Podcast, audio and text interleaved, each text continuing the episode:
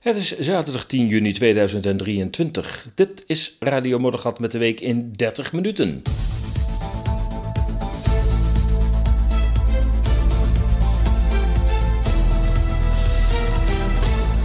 Ja, de andere kant deed een uitnodiging uitgaan naar de AIVD. Daar gaan we het zo even over hebben. En uiteraard zijn er nog andere onderwerpen. Wat dacht je van de vredesactivist Jacob de Jonge?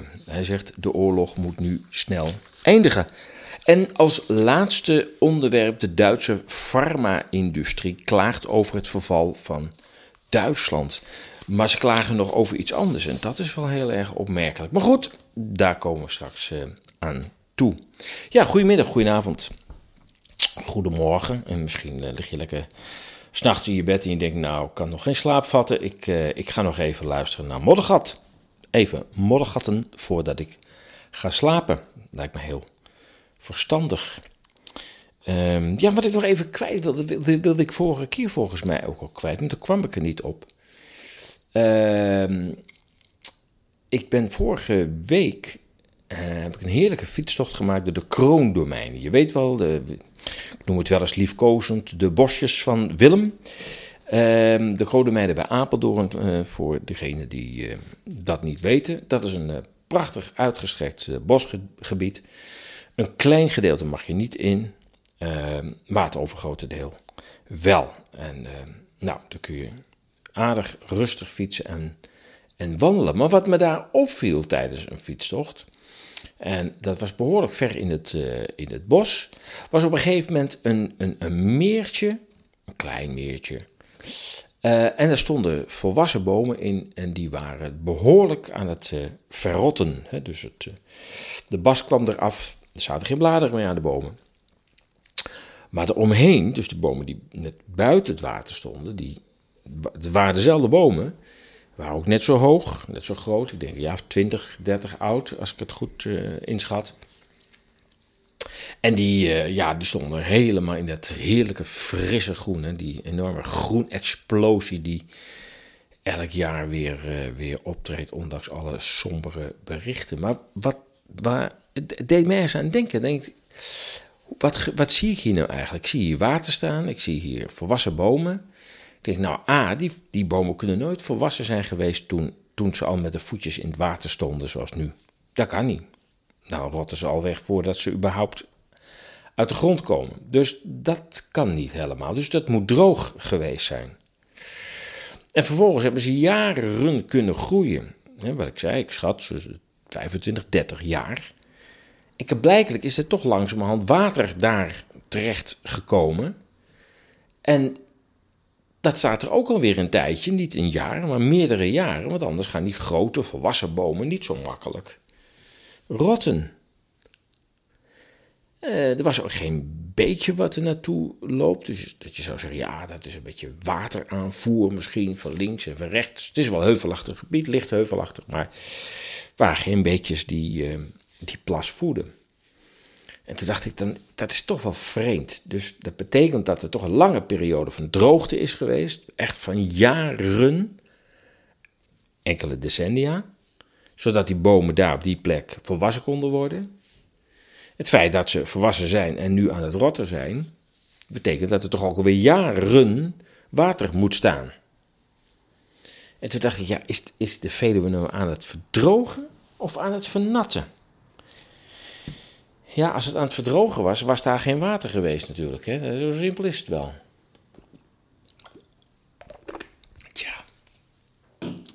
Ik ga voorlopig uh, van mijn eigen waarneming uh, uh, uit. Want ja, er wordt zoveel in je hoofd ge, geprent en geleuterd over van alles en nog wat. En iedereen beweert maar wat. Maar ja, ik, ik neem dit soort dingen maar waar. En ehm, ja, ik zie ook dat de natuur, ook in de buurt van landbouwgebieden, weer fantastisch erbij staat. Ik kan niet anders zeggen. Het is een explosie van groen. En ja, dan denk je wel eens, waar maken we ons nou zorgen om? Nou, het is wel zo natuurlijk, dat zie je wel, dat zeg maar het, het mediterrane uh, weertype, nou laat ik zo zeggen, het weertype van Midden-Frankrijk, dat schuift langzamerhand wel naar het noorden op. Dat merk je natuurlijk wel in de zin van dat er toch andere insecten ineens uh, opduiken. Ik dacht dat de hoorn er een van was. Maar er schijnen ook weer verschillende soorten te zijn. Ik geloof ook een Chinese variant. Ja, dat heb je met die Belt and Road Initiative. Daar komen ze natuurlijk met die trein mee. Ehm, ja, dat krijg je ervan. Maar in ieder geval, het is duidelijk dat het gemiddeld wel iets, ja, iets Franser aandoet. En eerlijk gezegd, ja, of ik dat slecht vind? Nou, volgens nog niet. De andere kant, jawel, die uh, schreef een open brief aan Erik Akerboom. En Erik Akerboom is directeur-generaal van de inlichtingendienst AIVD. En de brief werd geschreven door de hoofdredacteur, of nee, de uitgever en uh, oprichter van de andere kant, uh, Sander uh. En hij is ook voorzitter van de Vereniging van Vrije Journalisten. En daar is ook ESAS lid van. Ja, die AIVD die waarschuwt voor anti-overheidsextremisme. U weet, dat is een nieuwe naam voor kritiek op de overheid. Het kan dan gaan over Oekraïne, over klimaatbeleid of nog wat onderwerpen waar de overheid zich in heeft vastgebeten. En ja, Sander Compagner, uitgever van de andere krant en wat ik zei, is voorzitter van de VVJ, schreef uh, vorige week een open brief aan Erik Akerboom, de directeur-generaal van de inlichtingendiensten AIVD. En ik, ik, ik, lees daar een stukje van voor, het is een lange brief, maar ik lees daar een, een, ja, naar mijn idee wel de meest relevante passages even voor. Geachte heer Akerboom. De afgelopen tijd hebt u in uw hoedanigheid als uh, van directeur van de Algemene Inlichtingen en Veiligheidsdienst gewaarschuwd voor de vermeende radicalisering van complotdenkers en personen die geen vertrouwen meer zouden hebben in de overheid. In een uitzending van het televisieprogramma Media Logica van 28 mei, daar hebben we vorige week uh, aandacht aan besteed, stelde u, en uh, hij citeert dan letterlijk: Men gelooft in complotten men gelooft niet in corona- en klimaatproblematiek en vindt dat de instituties heel slecht bestuurd worden. En dat geldt ook voor de democratische rechtsorde. Einde citaat van Akerboom. Volgens uw dienst, en hervat ik de brief weer, zou dit mogelijk kunnen leiden tot anti-institutioneel extremisme. Dat is dus weer blijkbaar wat anders dan overheidsextremisme. Nou, je verzit het waar je bij staat. Volgens uw dienst zijn er wel honderdduizend mensen in Nederland die geloven in een kwaadaardige elite, die middels een geheime agenda de totale wereldcontrole nastreeft. Wat u, in uw rapport, eh, eh, wat u in uw rapport doet, is het verdacht maken van criticasters op tal van onderwerpen. En, zoals gezegd, er wordt gesproken over klimaatbeleid, stikstofpolitiek, de invloed van de World Economic Forum, de omgang met corona, de oorlog in Oekraïne, de woke-agenda, de immigratie en kindermisbruik. U bestempelt hen tot een potentieel risico voor de democratische rechtsorde. Het is volgens mij, ik heb het dan over Sante Compagne, echter niet aan de AIVD op al deze terreinen de waarheid te claimen. Juist een open debat over deze thema's is een uitgangspunt en een voorwaarde voor een goed werkende rechtsorde. Door de koppeling die u maakt tussen extremistisch gedrag en kritische burgers, smoort u het vrije bad en doet u afbreuk aan de democratische rechtsorde die u zegt te dienen.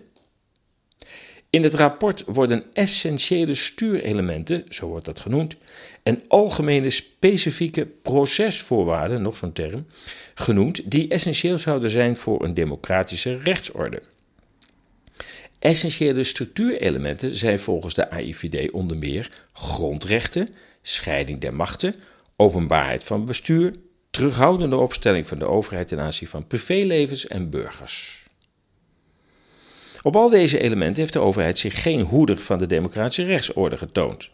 Grondrechten werden tijdens de coronaperiode veelvuldig genegeerd. De overheid geeft waar mogelijk zo min mogelijk openheid, de sms'jes van Rutte, de stelselmatig overschreden termijnen voor WOO-verzoeken, wet op de openbaarheid van overheid, en het zwart lakken van hele pagina's die wel aangeleverd worden, zijn slechts enkele voorbeelden. De rechterlijke macht is eh, steeds volgzamer aan de politiek, zoals gebleken is bij het toeslagenschandaal en in de coronarechtszaken. Bijvoorbeeld rond de avondklok, zodat de scheiding der machten, dat daar nog nauwelijks sprake van is. Ja, dat de overheid allesbehalve een terughoudende opstelling heeft ten aanzien van privégegevens van burgers, hoeft geen betoog en zal bij uw dienst bekend zijn. En de campagne zegt: Ik ben zelfs bang dat u hieraan meedoet. De verschuiving van de macht van, naar gremia zoals de Europese Unie, het World Economic Forum en de Wereldgezondheidsorganisatie WHO doet afbreuk aan de openbaarheid van bestuur en aan de democratie als zodanig. De andere krant wordt veelvuldig beticht van het publiceren van complottheorieën. De definitie, definitie die uw dienst geeft is dat dit specifieke vormen van des- of misinformatie betreft. Ik bestrijd die definitie. Complottheorieën kunnen ook gewoon kloppen. Veel ideeën die door de reguliere media als complottheorieën werden bestempeld, bleken later juist te zijn. Tegelijkertijd blijken de reguliere media vaak complottheorieën te verspreiden die onjuist blijken te zijn. Denk aan de theorie van de Amerikaanse regering dat Irak begin deze eeuw over massavernietigingswapens zou beschikken. Of de door de voltallige Nederlandse media gebrachte complottheorie dat Donald Trump zou samenspannen met Russische actoren. De mensen van wie u denkt dat ze in staat zouden zijn tot extremisme zijn vaak lezers van onze krant. Nederlanders die zien dat de door u genoemde essentiële structuurelementen en procesvoorwaarden voor een werkende democratische rechtsorde onder druk staan. Ze lijken steeds minder te betekenen voor de huidige machthebbers. Nederlanders die merken dat tegengeluiden niet gestimuleerd wordt, maar tegengewerkt, uh, Nederlanders die merken dat tegengeluid niet gestimuleerd wordt, maar tegengewerkt. Ik ken deze mensen persoonlijk en ik kan u vertellen dat ze niet gewelddadig zijn. In uw rapport merkt u op dat er een spirituele inslag is bij de groep die u beschrijft, en dat klopt. Deze mensen willen slechts in vrede en harmonie leven. Hierbij accepteren wij geen overheid die ons deze harmonie en vrijheid misgunt, die wij alle mensen wel gunnen. Als u ons de ruimte geeft, zal dat niet leiden tot extremisme, maar tot een samenleving waarin ieder mens telt, geweldloos en in liefde, open en transparant voor alle burgers van Nederland. U draagt met uw rapport en door uw uitingen in de media bij aan, aan de polarisatie en het verlies van vertrouwen in de instituties. U bent dus onderdeel van het probleem en niet de oplossing. Ik nodig u van harte uit het gesprek met mij aan te gaan. Kom eens langs op de redactie om de mensen te ontmoeten voor wie u vrees lijkt te hebben. Dan kunnen we samenwerken aan een democratische rechtsorde. Met vriendelijke groet, Sander Compagner. Ja, een hele mooie brief nogmaals. Ik heb hem niet uh, helemaal voorgelezen, want hij is uh, nog langer. Dus ik heb al een heel lang stuk voorgelezen. Maar uh, ja, ik denk dat hij uh, heel treffend is. Ja, ik heb niet gehoord dat Akerboom zich al gemeld heeft bij de andere krant. Dat zou wel heel stoer zijn. Als je werkelijk ballen hebt dan denk je: oké, ik ga eens even naar die dames en heren van de andere kant. Laat ze maar komen. Ik heb mijn argument op een rij. Maar ik denk dat Akerboom ook wel weet dat hij gebakken luxe zit te verkopen met zijn anti-overheidsextremisme. Je moet maar durven om kritische burgers dit soort labels op te plakken. En dat je daarvoor betaald wordt. Het is echt een schande dat we dan moet ik even oppassen. Maar goed, ik, ik vind het echt een schande dat we in een dergelijke situatie terecht zijn gekomen. Dat we overheidsdiensten hebben die, die kritische burgers, mensen die oprecht een goede samenleving willen, uh, dat die voor extremist worden uitgemaakt. Het is godsgeklaagd. Goed, laten we de vrede bewaren. En daarom ga ik even naar Jacob de Jonge. Jacob de Jonge is uh, kunstenaar en vredesactivist. En inderdaad, de broer van de minister. In een interview met Niels Lunsing van de andere krant pleit de jongen voor een snelle beëindiging van de oorlog in Oekraïne. Hij zegt: We beseffen niet welk risico we lopen. Voor hem, ja, als je, als je naar hem luistert, het is een interessant interview. Ik zou zeker, hij staat ook op de website van ESAS, um, dat interview. Um, ik, zou, ik zou zeker even gaan kijken en vooral luisteren. En dan ja, ik denk dat voor de luisteraars van Radio Moddergat dan wel de lezers van ESAS of van de andere krant of van Gezond Verstand of nou ja, dat die, uh, dat die zullen zeggen, ja, ja dat, ja, ja, dat vinden wij ook. Maar het feit dat dat toch nog weer eens een keer gezegd wordt door Iemand die, nou ja, vooralsnog niet ja, bekend is in de kring, laat ik het zo maar even noemen. Uh, ja, is, is, is toch wel heel opmerkelijk. Uh, nou ja, wetende dat het ook nog de broer van de minister is. Ik weet niet of er gezellige verjaardagen zijn, maar ik kan me zo voorstellen dat de meningen dus uh, fors uiteenlopen. Ja, die huidige oorlog in Oekraïne, ja, die wordt ons wel steeds in beeld gebracht, maar gelukkig is die nog ver weg. Er vallen geen bommen op Nederlandse steden. Ja, wel zijn in de strijd naar schatting al meer dan 200.000 Oekraïense militairen, sommigen spreken al over 300.000 militairen, veel al jongeren, gedood. En ook aan Russische kant zijn de verliezen groot. Jacob de Jonge vertegenwoordigt een ander geluid, nog een tamelijk eenzaam geluid. De jongen pleit voor snelle vrede, waar media en politiek unisono meer wapens en de voortduring van de oorlog voorstaan. Naast kunstenaar is de jongen trouwens ook actief binnen de The Hague Peace Project. De oorlog moet snel eindigen, als dus de jongen. Ik citeer: We beseffen niet welk risico we lopen. Einde citaat.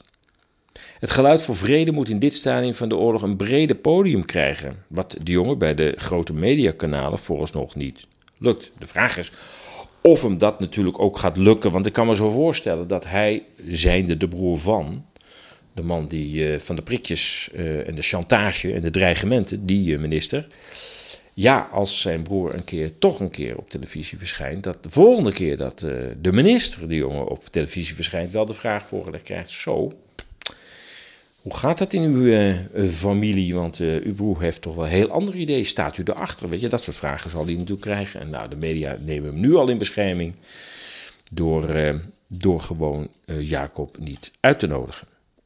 Maar gelukkig zijn er nog de vrije media en zeer goed dat Jacob daar ook gebruik van maakt. Want met de media, de alternatieve vrije media, bereik je toch nog een heel fors publiek. Hij zegt letterlijk, en ik citeer: We hebben nu een houding van wij zijn stoer en tough en gaan Poetin verslaan. En dat is een houding die volgens mij leidt tot een potentiële catastrofe.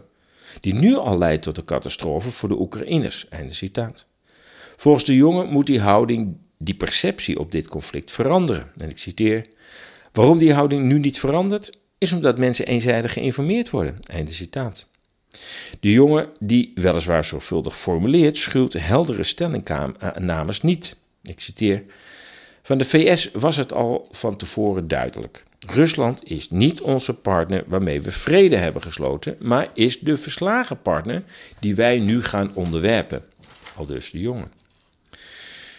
Ja, dat is wat, uh, wat Jacob dus uh, achter deze oorlog uh, ziet, dat dat er achter schuil gaat en hij vindt dat het ook aan de orde moet komen. De jongen ziet dat de wereld miljarden en miljarden investeert in de oorlog, maar, zegt hij, waar is het budget voor de vrede? Deze oorlog is volgens de jongen een keuze. Er zitten mensen aan de knoppen, zegt hij, en dit kan echt anders. Hij hekelt het over lange jaren opgebouwde vijandbeeld van Moskou en het Kremlin.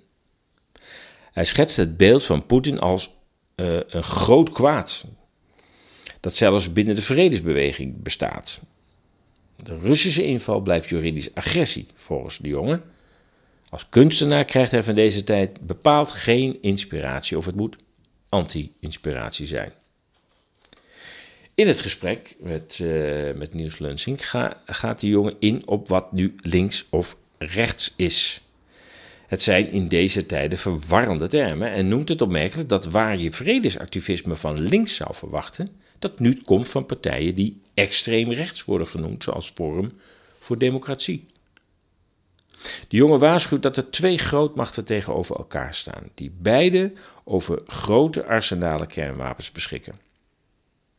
De risico's van een nucleaire escalatie is nu groter dan te tijden van de Koude Oorlog. Volgens de jongen hadden beide grootmachten toen meer respect voor elkaar. Dat is nu niet het geval, wat beide roekelozer maakt. En in afwijking van de heersende zienswijze ziet de jongen dit conflict als een proxyoorlog tussen de Verenigde Staten en Rusland, waarvan Oekraïne het slachtoffer is. Ik citeer. Oekraïne is niet het enige slagveld. Syrië was een eerder slagveld tussen dezezelfde machten. Je ziet dat het Westen probeert andere conflicten op te warmen, zoals Servië, Georgië, Kazachstan, Wit-Rusland. En dat is dezelfde strijd.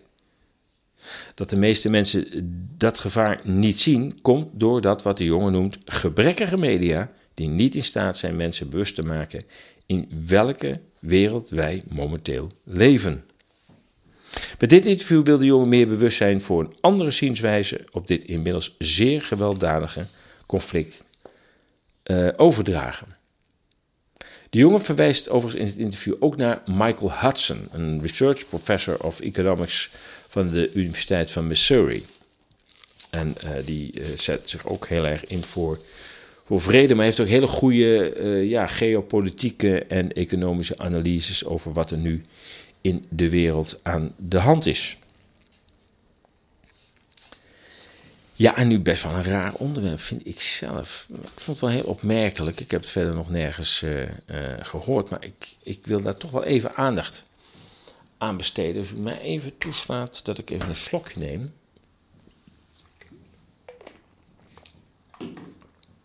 Even den keel smeren. Want wat is, er, uh, wat, wat is het geval? De Duitse farmaceutische industrie die klaagt over het verval van Duitsland.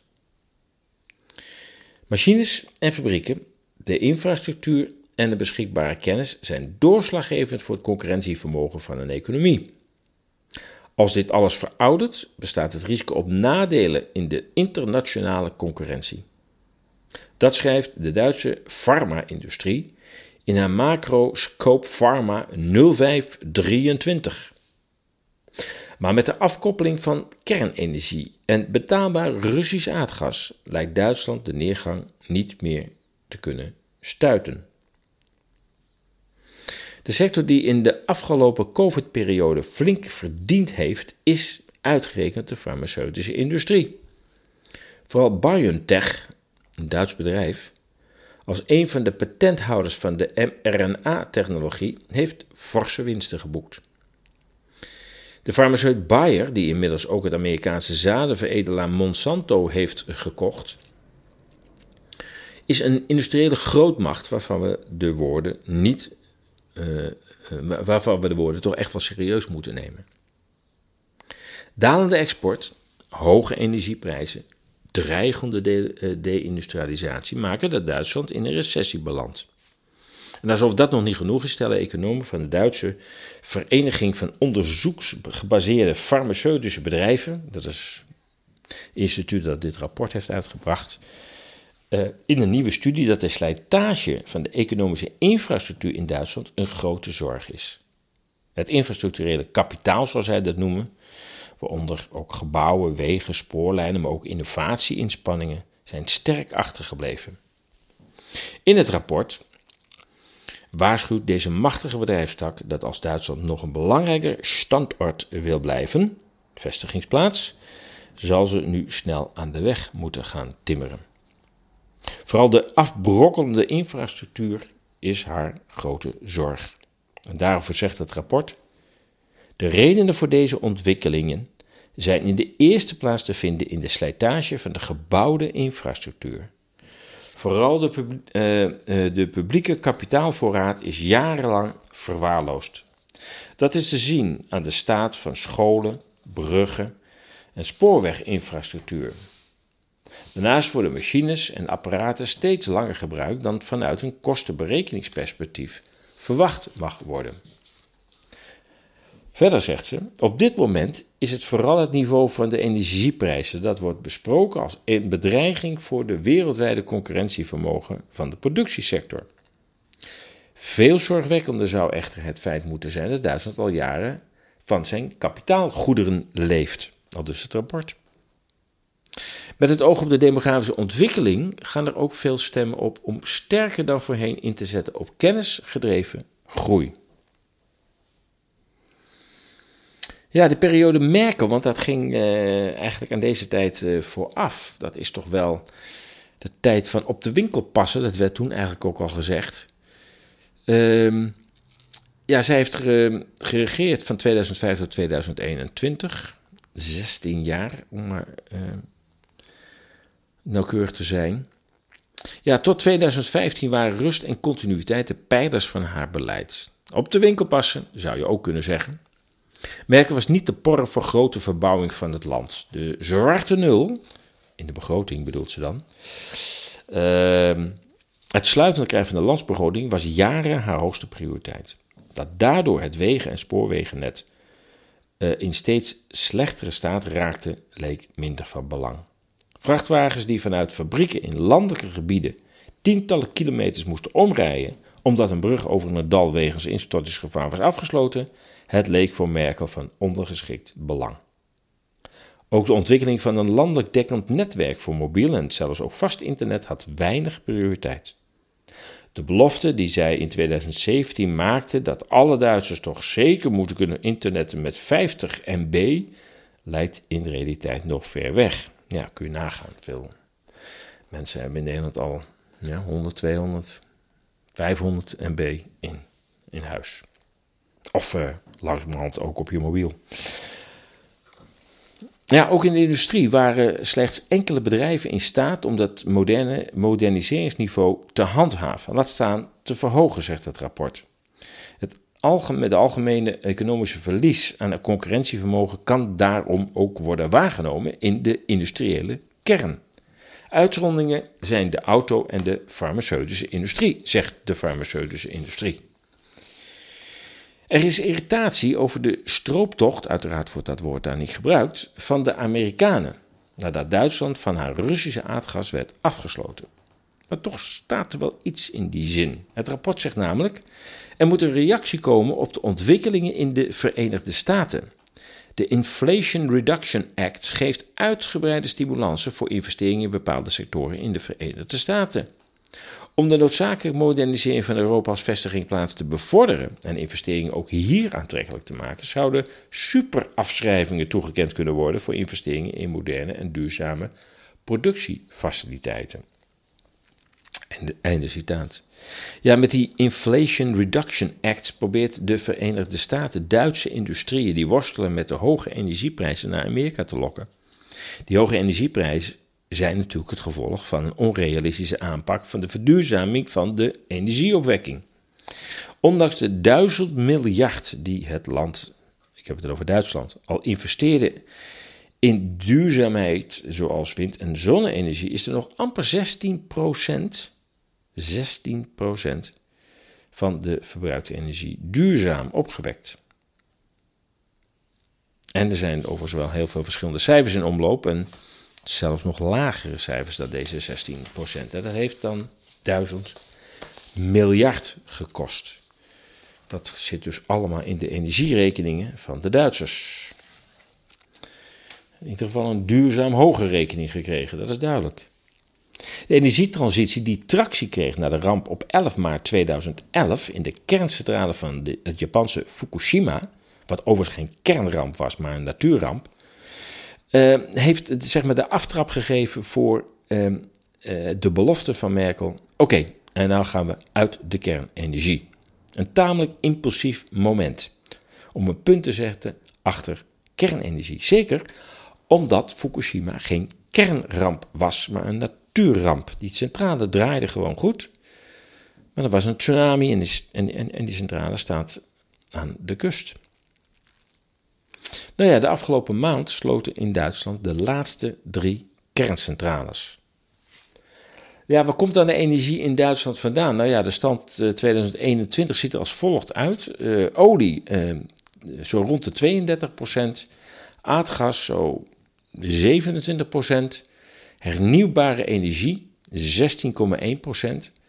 waarvan overigens alweer een vijfde biomassa is. Dus ja, ik vind dat ook niet bepaald duurzaam. Um, ruim 9% bruinkool, ruim 8% steenkool, 6%, en dat is nu 0, we zitten nu in 2023, uh, 6% uh, kernenergie en de overige 1,3%. Het sluiten van al die kerncentrales is natuurlijk een misser. Zeker toen Duitsland later geslagen moest toezien hoe haar bondgenoten, in welke samenstelling dan ook, haar aanvoer van Russisch aardgas door een aanslag op Nord Stream pijpleidingen moest beëindigen. Het plan om door Om de door zon en wind opgewekte wiebelstroom met 25 gascentrales van backup te voorzien, want opslaan kun je het niet, werd bruut verstoord door die aanslag op Nord Stream 2. Uitval van elektriciteit is voor Duitsland inmiddels realiteit geworden. Is ook een redenen waarom bedrijven weg willen uit Duitsland. Ondertussen wil Frankrijk weer een aantal kerncentrales bijbouwen. Ik hoorde zelfs het aantal van 14. Finland kon onlangs zijn energieprijs laten dalen met de ingebruikname van de Ol dat lijkt wel Japans jongens, Olkiluoto-centrale. Nou ja, hoe dan ook, het is een enorme centrale en binnen een week stortte de energieprijs met 30% in.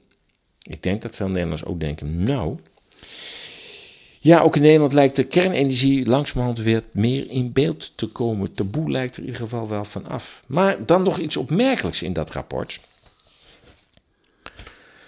Um, zonder enige toelichting noemt het rapport demografie als belangrijkste concurrentiefactor uh, die sterk onder druk is komen te staan.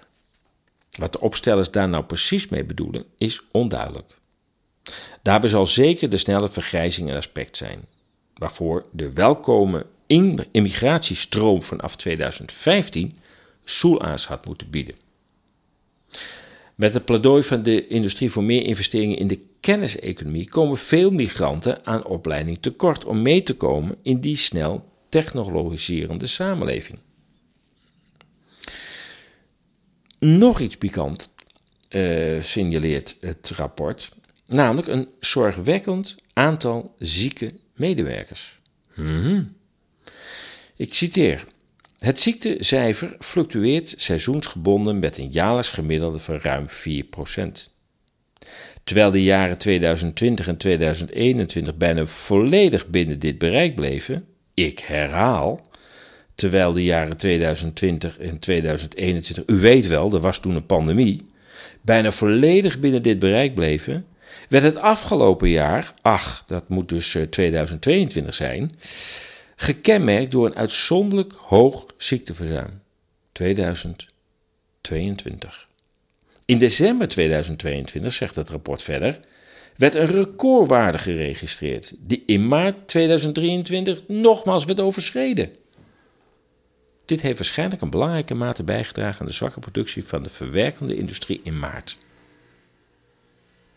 Ja, dat zegt de farma-industrie. Ja, de vele critici op dit bizarre prikbeleid, waarvan eh, op de een of andere manier het weer op stoom lijkt te komen, als ik zo hier en daar de signalen uh, hoor. Waarbij mensen meerdere malen werden opgeroepen en onder druk gezet om meervoudige experimentele mRNA in te laten spuiten, zullen nu opmerken dat de farma-industrie dus klaagt over iets dat mogelijk door die massale inenting is veroorzaakt. Zouden ze nou zelf niet in die boardrooms tegen elkaar zeggen: joh, kan dat nou? In de pandemiejaar hadden we dus geen enkel, hadden we helemaal geen verhoogd ziekteverzuim. Ja, we weten ook dat de begrafenisondernemers het niet drukker hadden. En we weten ook dat de ambulance diensten het toen niet druk hadden. Ze hebben het nu druk. En hoe kan dat dan? We willen het niet weten. We gaan het niet onderzoeken. Straks komt eruit dat er die prikken ligt. Goed, het Duitsland van het naoorlogse Wirtschaftswunder, wonder, moet ik zeggen, lijkt nu definitief ten einde. Dat is wel duidelijk. Met haar miljarden verslindende uitgaven voor de oorlog tegen Rusland, een extra budget van 100 miljard, dat dat ze beter in de innovatie in de wegen kunnen stoppen, ontbreekt het haar aan middelen en energie om het land een doorstart te geven. En Nederland als inofficiële deelstaat van Duitsland zal dat ook gaan merken. Ja, ja, ja, de farmacie die klaagt over een hoog ziekteverzuim. En in het pandemiejaar uh, hebben zij helemaal niks gemerkt van een hoog ziekteverzuim. Het jaar daarop ook niet. Er was er ook nog een beetje, een beetje griep, geloof ik. De pandemie was al lang voorbij, zei het tegen VM later, maar desalniettemin. Hm. En nu uh, schreeuwt ze moord en brand. Want ja, eind 2022 hoog ziekteverzuim, nog nooit vertoond. En in maart 2023 gaat het er nog eens overheen. Ja. Wanneer komt nou het bewustzijn? Hè? En als dat bewustzijn er al stiekem is, wanneer gaan we nu eens toegeven dat we met die hele prikcircus een ongelofelijke fout hebben gemaakt? Laat ik nog maar even in het midden in welke mate er sprake is van opzet. Ja, het zit er weer op. Ik meld nog even uh, uh, Berlijn. Je weet, je kunt je inschrijven voor de rondleiding in Berlijn in september. Een bijzondere tour door deze fascinerende stad die meermaals het lot van Europa heeft bepaald. Dat zal ook nu weer gaan gebeuren. En ook nu speelt Berlijn een centrale rol in de geopolitieke spanningen op ons continent. In anderhalve dag zal ik je plekken laten zien en ervaren die Berlijn als hoofdrolspeler verklaren. We bezoeken historische plekken van de afgelopen eeuw en plekken die ook deze eeuw, voor deze eeuw bepalend zullen zijn. Dus ja, ik zou zeggen, ga naar uh, eh, ezas.nl. Um, helemaal bovenaan uh, die witte balk, daar kun je al meteen op klikken en dan uh, krijg je meer informatie. En je kunt ook meteen boeken, uiteraard. Als je lid bent, krijg je een aanzienlijke korting. En als je nog geen lid bent, dan zou ik lid worden. Want die korting is 30 euro. En dan hou je nog maar een tientje over. En dan ben je een jaarlid van ESAS. Dus lijkt me een hele goede deal. Ik, uh, ik hoop je te zien aanstaande september in Berlijn. Ja, het gaat het eigenlijk snel, hè? Zijn er nog punten van orde? Is er nog iets voor de rondvraag? Ik geloof het, uh, ik geloof het niet. Ja, we gaan, uh, we gaan zomerpauze houden. We gaan er even uit. Uh, het is natuurlijk best wel intensief. Ehm, elke dag een vers artikel op de website, elke werkdag. En ehm, dan ja, elke week Radio Moddergat. de nieuwsbrieven, ehm, het magazine. Ik ben ook met het magazine bezig. Het zomermagazine van ESAS, waarin de beste tijdloze artikelen van het afgelopen half jaar staan. Het zou dan de vijfde editie worden. Dat, uh, nou ja, als je die eerdere vier edities er ook bij koopt, dan heb je wel een, een, een bijzonder overzicht van een, uh, van, van een tijd. Uh, een, een, denk ik een, een scherp tijdsbeeld van de afgelopen periode. Ja, en ik knijp er eh, de, de, de, de, komende tijd natuurlijk even tussenuit. Even lekker uh, van vakantie genieten. Het zijn rare tijden. Maar ik denk dat ja, het de kunst is om toch te genieten van de dingen die goed gaan, goed zijn. Geniet van elkaar, geniet van de wonderschone natuur. een explosie aan groen, aan, aan bloemen. Of je nou een lekkere wandeling langs het strand gaat maken of uh, naar het bos gaat. Uh, geniet er lekker van of je een, een, terrasje pakt. De koffie is wel wat duurder geworden, het biertje, maar het is nog te doen. En uh, ja, dan, dan, dan zie ik je over een maand weer terug. Ja, een maand geen radio moddergat. Ehm, ja, de reden is, we gaan de zender even laten afkoelen. De zendmast krijgt weer even een nieuw verfje. Zoiets. en uh, ja, Moddergat is weer terug. 14 juli. Is dat niet uh, 14 juillet uh, van, uh, in Frankrijk? Nou, ik weet niet of we dan de Marseillaise moeten gaan spelen. Ik denk het niet, hè. Uh, hoe dan ook, de website blijft gewoon actief. Elke dag, elke dag gewoon, werkdag heb ik het dan over, weer een vers artikel. Dus blijf gewoon ESAS volgen. En als je de nieuwsbrief hebt, de dagelijkse of de wekelijkse, gaan ook gewoon door. Prachtig toch, hè? En als je RSS-feed hebt, die gaat ook gewoon door. Dus eigenlijk gaat heel veel gewoon door, behalve Radio Moddergat. Ja, ga je zelf ook uh, op vakantie de komende tijd, dan wens je een hele plezierige vakantie. Nogmaals, geniet ervan, zet even de dingen van je af. Uh, soms moet je ook even uh, afkoppelen. Dat je denkt, ik moet gewoon even genieten van wat mijn ogen op dit moment zien, wat mijn oren horen. Uh, gezang van vogels of wat dan ook, uh, ruizen van de zee of de bladeren in het bos. Uh, want je verandert er niet mee, uh, niets bij als je ook tijdens je vakantie nog probeert om ja, alles nog eens een keer te herkauwen. Zet het van je af. Goed, stoppen.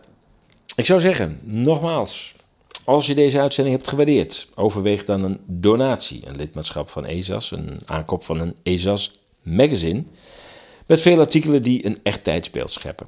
ESAS kan niet zonder steun van donateurs en leden. Ik wil dat nog wel even benadrukken. alles gaat gewoon door, dus je denkt, nou, het zal wel goed zijn. En eh, nou ja, het is ook wel goed, maar ehm, er komen wel steeds rekeningen binnen voor de faciliteiten die we nodig hebben om eh, deze uitzendingen, maar ook om de website uh, mogelijk te maken, de nieuwsbrieven mogelijk te maken. Enfin, daar zijn altijd lopende kosten te betalen. Maak ons bereik groter. Deel deze podcast van Radio Moddergat op je social kanalen. Ja, en nogmaals, Radio Moddergat is de komende weken dus niet in de lucht. Pas 14 juli is Radio Moddergat weer terug. Ondertussen nogmaals kun je ESA's volgen via de nieuwsbrief, RSS, Telegram en Twitter. En ja, ik zou zeggen, kijk voor meer informatie op esas.nl. Ik wens je een goed weekend. Alvast een prettige vakantie. Blijf waakzaam, blijf sterk. En tot 14 juli.